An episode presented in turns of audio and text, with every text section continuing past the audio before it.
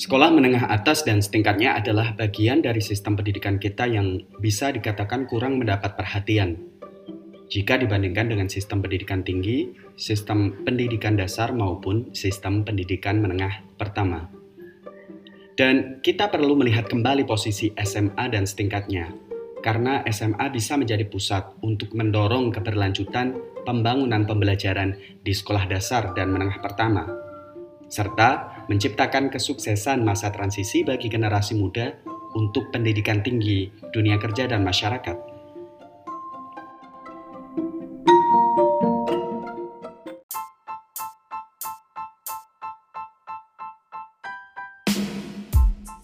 Selamat datang di Reimagine High School. Saya Anwari dan ini papan tulis.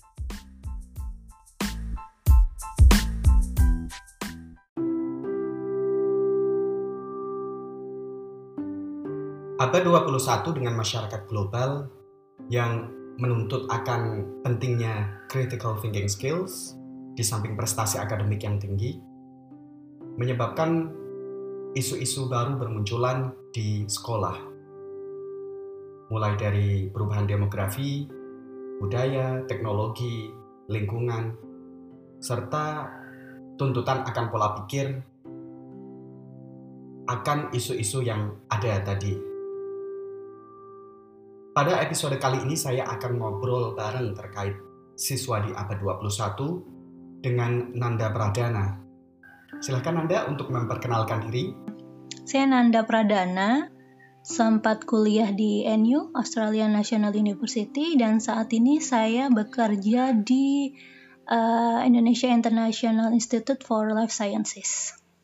Jadi saat ini saya mengajar di kampus tersebut sebagai salah satu dosen di Departemen Bioinformatics. Berbicara tentang siswa abad 21, ada personal view atau pendapat tentang siswa pada abad ini? Untuk siswa, lebih general ya siswa dan mahasiswa di abad 21, kalau secara uh, general saya lihat mereka lebih mandiri, lebih mampu untuk mengekspresikan diri. Tetapi mungkin di sisi negatifnya sed mereka sedikit ignorant dengan lingkungan mungkin ya, kalau bisa saya katakan seperti itu. Kalau misalnya harus membandingkan dengan generasi-generasi sebelumnya, mereka lebih maju, lebih berani untuk mencoba hal-hal baru, tapi ya itu tadi di sisi negatifnya kalau saya lihat uh, untuk apa ya respect dampaknya kepada lingkungan mungkin sedikit kurang. Atau mungkin itu pendapat pribadi saya kurang paham juga. Tapi seperti itu yang saya lihat. Bidang akademik mereka lebih mampu untuk mengekspresikan dirinya.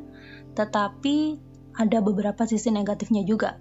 Mungkin itu karena pengaruh kemajuan teknologi dan juga lingkungan sekitar mungkin ya.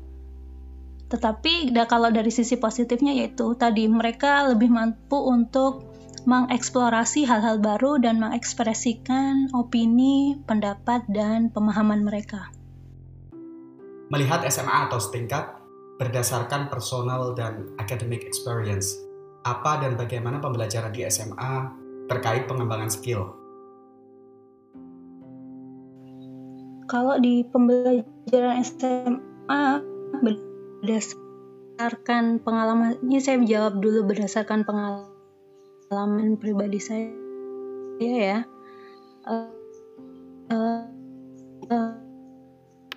uh, kebetulan saya lulus SMA tahun siswa lebih banyak mengikuti apa yang disampaikan guru walaupun memang tetap diberikan kesempatan untuk untuk mencoba secara mandiri tetapi kemungkinan lebih banyak uh, mendengarkan melihat dari apa yang diterangkan di depan kelas ada kesempatan untuk belajar mandiri atau misalnya ke ke lab melakukan eksperimen.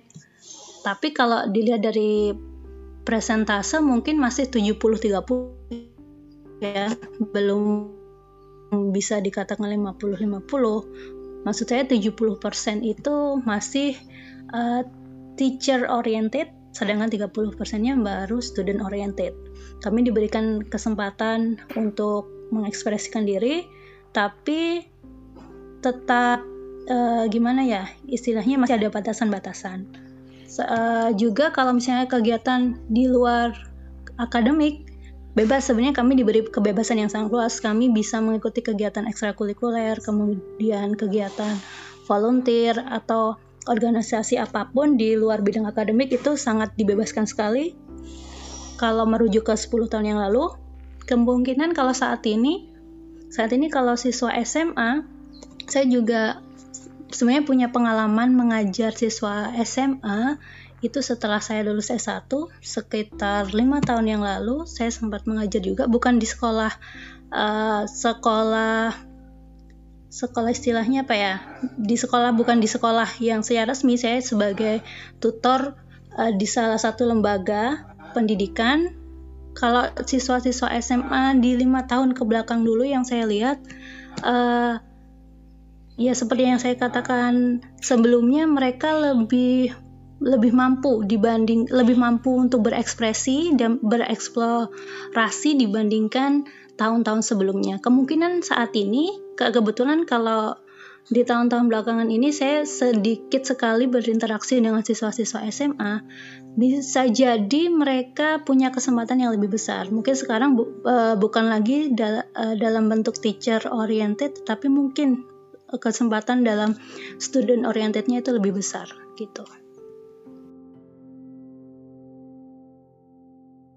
Dari perspektif sebagai dosen, apa isu yang dihadapi dan dialami dalam mengajar mahasiswa baru yang bisa dikatakan masih membawa cara pikir sekolah menengah atas dalam tanda kutip?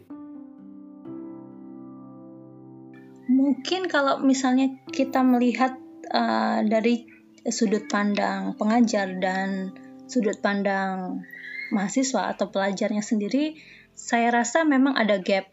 Sebagai seorang pengajar, saya dan mungkin beberapa rekan pengajar yang lain, khususnya di uh, lembaga tinggi, itu kami berharap sebenarnya siswa itu bisa lebih mandiri. Dalam artian kata student oriented ya. Kami jelaskan di kelas tetapi kami berusaha memberikan kebebasan mereka untuk misalnya mencari sumber sendiri, membaca lebih banyak lagi. Jadi apa yang kami sampaikan itu sebenarnya secara garis besar saja. Kalau ingin detail mereka bisa mempelajarinya sendiri.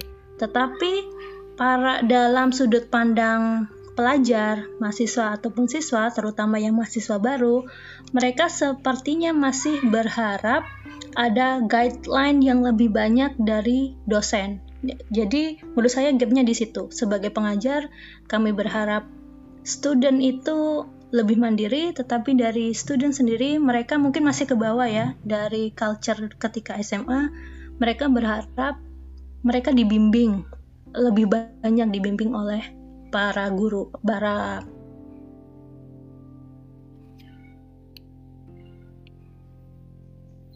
Dan akhirnya ya kami berusaha sih kami berusaha untuk menyesuaikan apa yang uh, kami inginkan dan apa yang diinginkan mahasiswa. Tapi ya itu tadi perlu saya garis bawahi gapnya di situ ada perbedaan ekspektasi antara mahasiswa baru dan dosen yang saat ini terutama untuk dosen-dosen muda mungkin ya.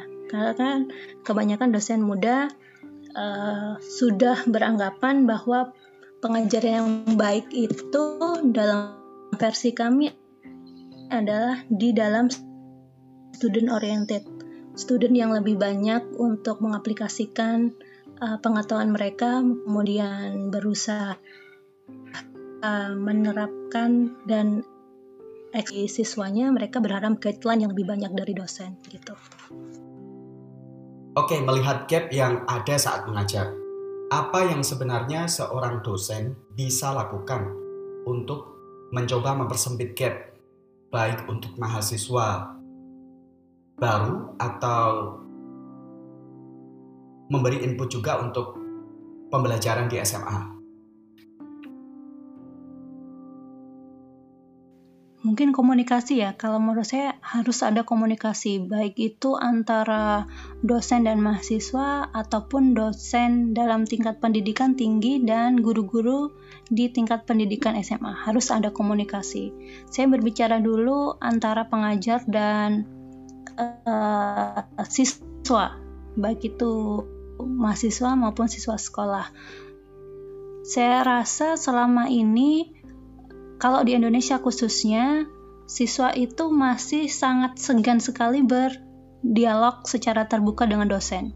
Beberapa dosen juga seperti itu tuh ya, mungkin uh, kurang dekat dengan mahasiswa. Saya rasa gap itu akan sedikit banyak berkurang jika ada komunikasi dan kedekatan antara mahasiswa dan dosen. Jadi dosen e, bisa membimbing secara langsung mahasiswanya baik di kelas maupun di luar kelas.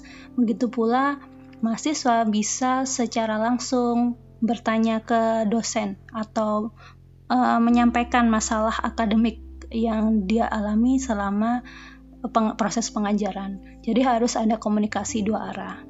Selain itu, untuk menghindari gap juga antara proses pendidikan ketika di SMA dan proses pendidikan saat kuliah, setidaknya ada komunikasi antara jenjang pendidikan tinggi dan jenjang pendidikan SMA.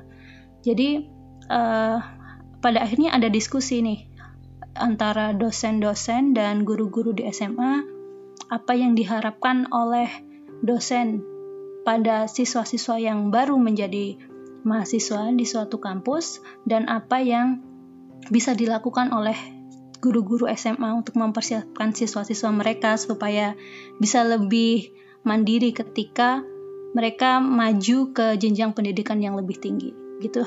Jadi menurut saya mungkin harus ada komunikasi sih. Komunikasi karena selama ini yang saya tahu sepertinya sangat uh, berbeda sekali ya apa yang proses proses pengajaran di SMA dan kuliah itu sangat berbeda sekali dan juga saya secara detail sebenarnya saya belum pernah secara langsung melihat atau mengalami ada komunikasi gitu antara dosen dan guru. Mungkin hanya di beberapa konferensi yang secara luas itu mungkin ya atau webinar segala macam, tapi sepertinya belum ada kontinuitas diskusi antara guru-guru SMA dan dosen-dosen yang ada di perguruan tinggi. Seperti itu. Komunikasi menjadi penting untuk upaya awal mempersempit gap. Lalu, seperti apa komunikasi dua arah yang bisa dibangun antara dosen dengan pihak pelaksana di unit SMA? Oke, uh, jadi selama ini sebenarnya kan sudah ada workshop-workshop antara dosen dosen-dosen perguruan tinggi dan guru-guru SMA. Tetapi seperti yang saya sampaikan tadi, workshopnya masih dalam bentuk yang terpisah-pisah. Ada workshop di tempat-tempat yang berbeda dengan waktu dan materi-materi yang berbeda juga. Secara general, saya belum menemukan bagaimana sih sebenarnya formula paling efektif untuk melakukan workshop ini supaya ada komunikasi dua arah dan ada uh, continuity dalam workshop tersebut. Yang sebenarnya yang saya harapkan itu coba-nya bisa dilakukan dalam jenjang waktu yang lebih panjang, dischedulekan. Jadi jadwal mungkin bisa dua minggu atau satu bulan sekali dengan materi yang memang sudah uh, di dirancang supaya ada keberlangsungan. Kemudian dalam workshop tersebut yang saya harapkan sebenarnya guruan tua itu seharusnya seperti ini ketika masuk jenjang pendidikan yang lebih tinggi. Mereka harus paham ini, paham ini. Tetapi yang diharapkan juga uh, ada pemaparan pendapat atau mungkin materi juga dari guru-guru SMA. Bagaimana sih sebenarnya kondisi di lapangan itu siswa-siswa dalam keseharian? Sebenarnya bagaimana sih siswa tingkat tingkat intelijensi siswa di tingkat SMA itu se seperti apa? Yang jadi ketika masuk ke jenjang yang lebih tinggi, dosen-dosen itu juga tahu kondisi di lapangan siswa-siswa itu sebelumnya seperti apa dan bagaimana. Jadi tidak ada ekspektasi yang berlebihan. Diharapkan uh, para dosen juga tahu, oh se uh, secara umum tingkat kemandirian dan tingkat intelijensi siswa itu dalam taraf ini loh seperti itu. Jadi yang diharapkan memang seperti itu, ada komunikasi dua arah dan ada keberlangsungan. Dan masalah lainnya juga sebenarnya kadang workshop-workshop itu hanya diterima oleh guru-guru SMA di wilayah-wilayah tertentu saja. Jadi kurang meratanya pemberian pemaparan materi kepada guru-guru SMA. Mungkin di bisa saya katakan mungkin di kota-kota besar mungkin fasilitasnya untuk mendapatkan pemaparan materi baik dalam bentuk workshop maupun seminar atau juga pertemuan itu pasti lebih banyak dibandingkan dengan mereka-mereka yang berada di wilayah rural.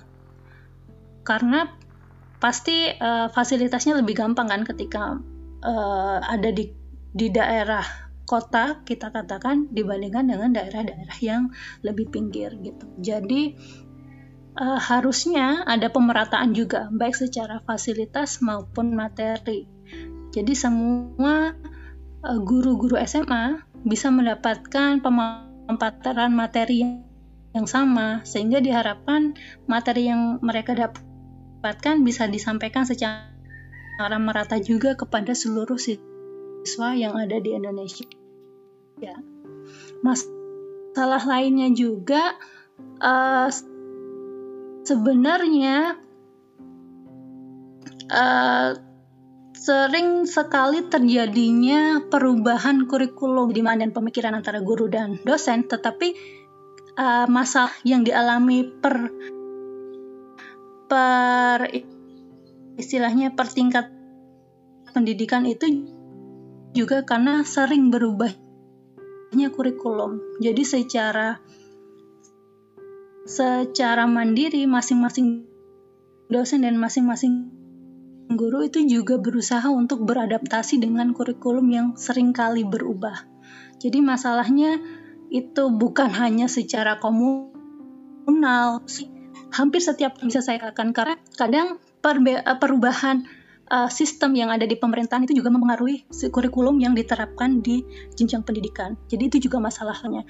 Jadi sebenarnya sebagai seorang ini uh, secara pribadi sebagai se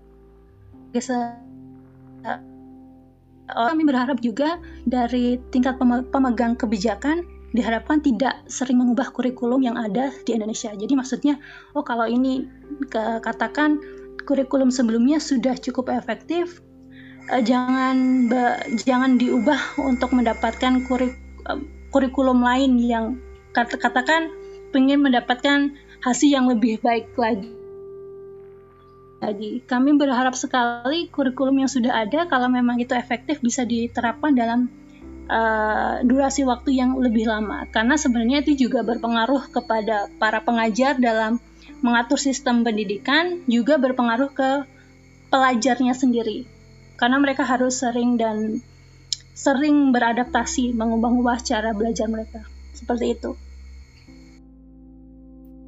Satu tidak meratanya akses, kesempatan dan teknologi. Dua long term uh, dua long term plan belum ada. Tiga belum optimalnya pendorong di tingkat lokal. Tiga hal yang coba saya simpulkan dari problems yang Nanda sampaikan. Melihat tidak meratanya akses kesempatan dan teknologi.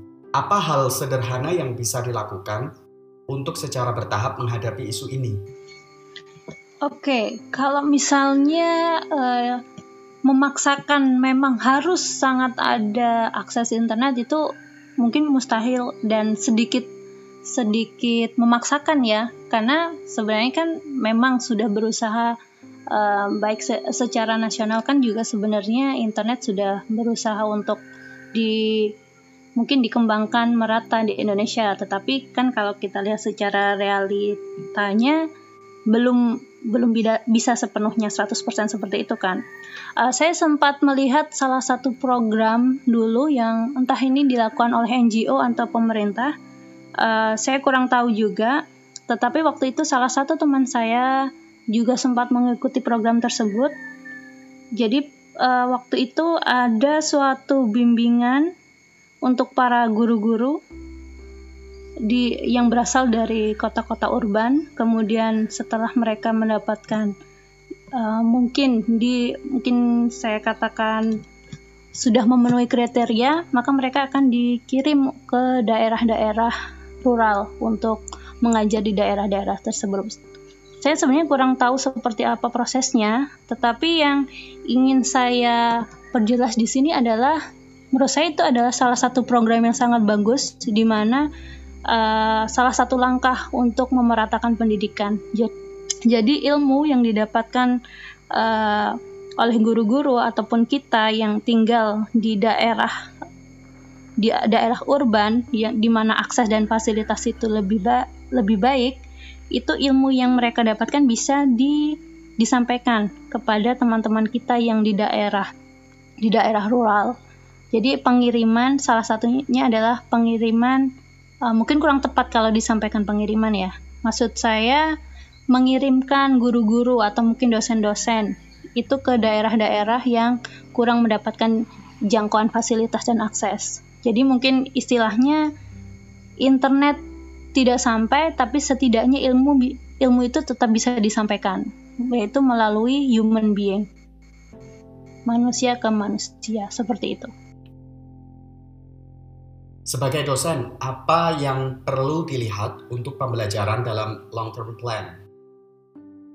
Uh, saya rasa pasti uh, di setiap institusi mereka punya patokan ya. Uh, istilahnya oh ini yang ingin kami sampaikan kepada mahasiswa-mahasiswa kami. Pasti mereka sudah ada standar. Jadi dengan standar itu meskipun kurikulum diubah setidaknya kami masih punya patokan apa sih yang uh, yang harus kami sampaikan kepada mahasiswa-mahasiswa itu? Meskipun uh, dengan berubahnya kurikulum itu kami tetap harus beradaptasi juga ada sedikit perubahan. Tetapi setidaknya dengan standar yang ada kami masih bisa memiliki acuan yang tetap.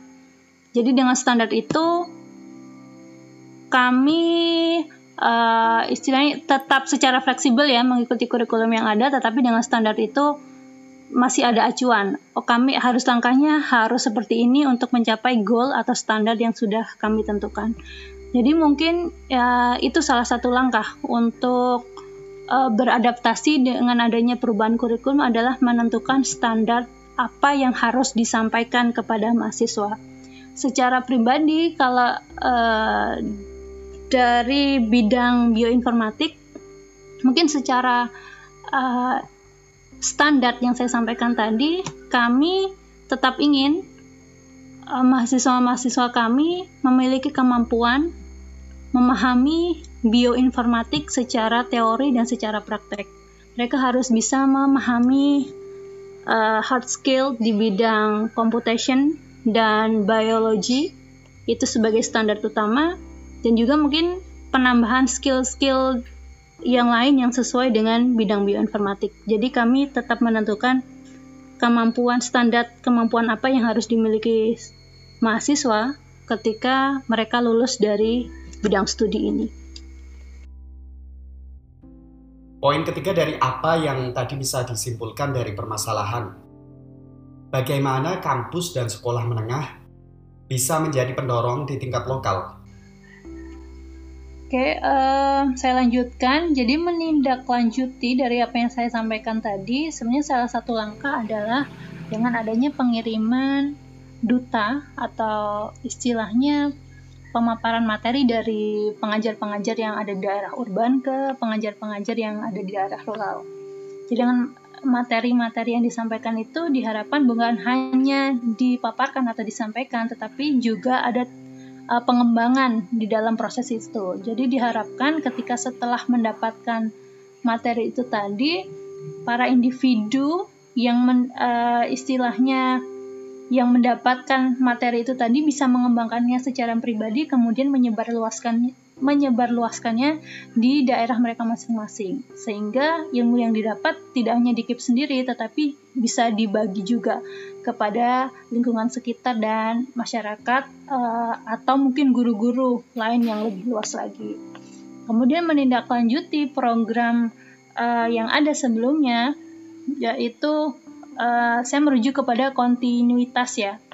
Jadi diharapkan program ini uh, tidak hanya berhenti di di durasi waktu tertentu saja, tetapi ada tindak lanjut. Misalnya uh, rencana awal satu tahun, tapi setidaknya setelah satu tahun itu ada tindak lanjut seperti apa lagi setelahnya? Apakah uh, dengan cara program itu ada program lain lagi dalam durasi waktu yang sama, tetapi uh, periode yang berbeda, atau ada tindak lanjut atau langkah-langkah ke depannya, sehingga tidak hanya berhenti di situ. Karena kan gapnya tadi seperti saya sampaikan, kan ka, uh, tidak ada kontinuitas. Jadi program berhenti setelah durasi waktu tertentu. Diharapkan program yang bagus itu tetap dilanjutkan dengan mungkin tingkat yang lebih tinggi lagi atau dengan durasi waktu yang lebih lama lagi. Seperti itu. Harapan tentang pembelajaran di SMA untuk mendukung pengembangan teknikal dan soft skills untuk siswa dalam menghadapi ketidakpastian di abad 21? Oke, uh, saya harapkan di tingkat SMA itu tetap ada uh, guideline dari para pengajar kepada siswa uh, supaya mereka mendapat pemaparan yang basic itu seperti apa dari orang-orang yang memang sudah mampu dalam hal ini adalah guru, tetapi juga diharapkan uh, diberikan kesempatan yang seluas-luasnya kepada siswa untuk mengekspresikan diri mereka, mengeksplorasi pendapat dan kemampuan yang mereka punya. Jadi mereka bisa mendapatkan ilmu, menyerap ilmu dari orang-orang yang sudah mampu, dalam hal ini guru, kemudian selanjutnya mereka bisa mengekspresikan diri mereka untuk mengembangkannya, kemudian membuat suatu gebrakan-gebrakan baru yang bisa bermanfaat kepada diri mereka sendiri dan juga lingkungan dan untuk masa depan.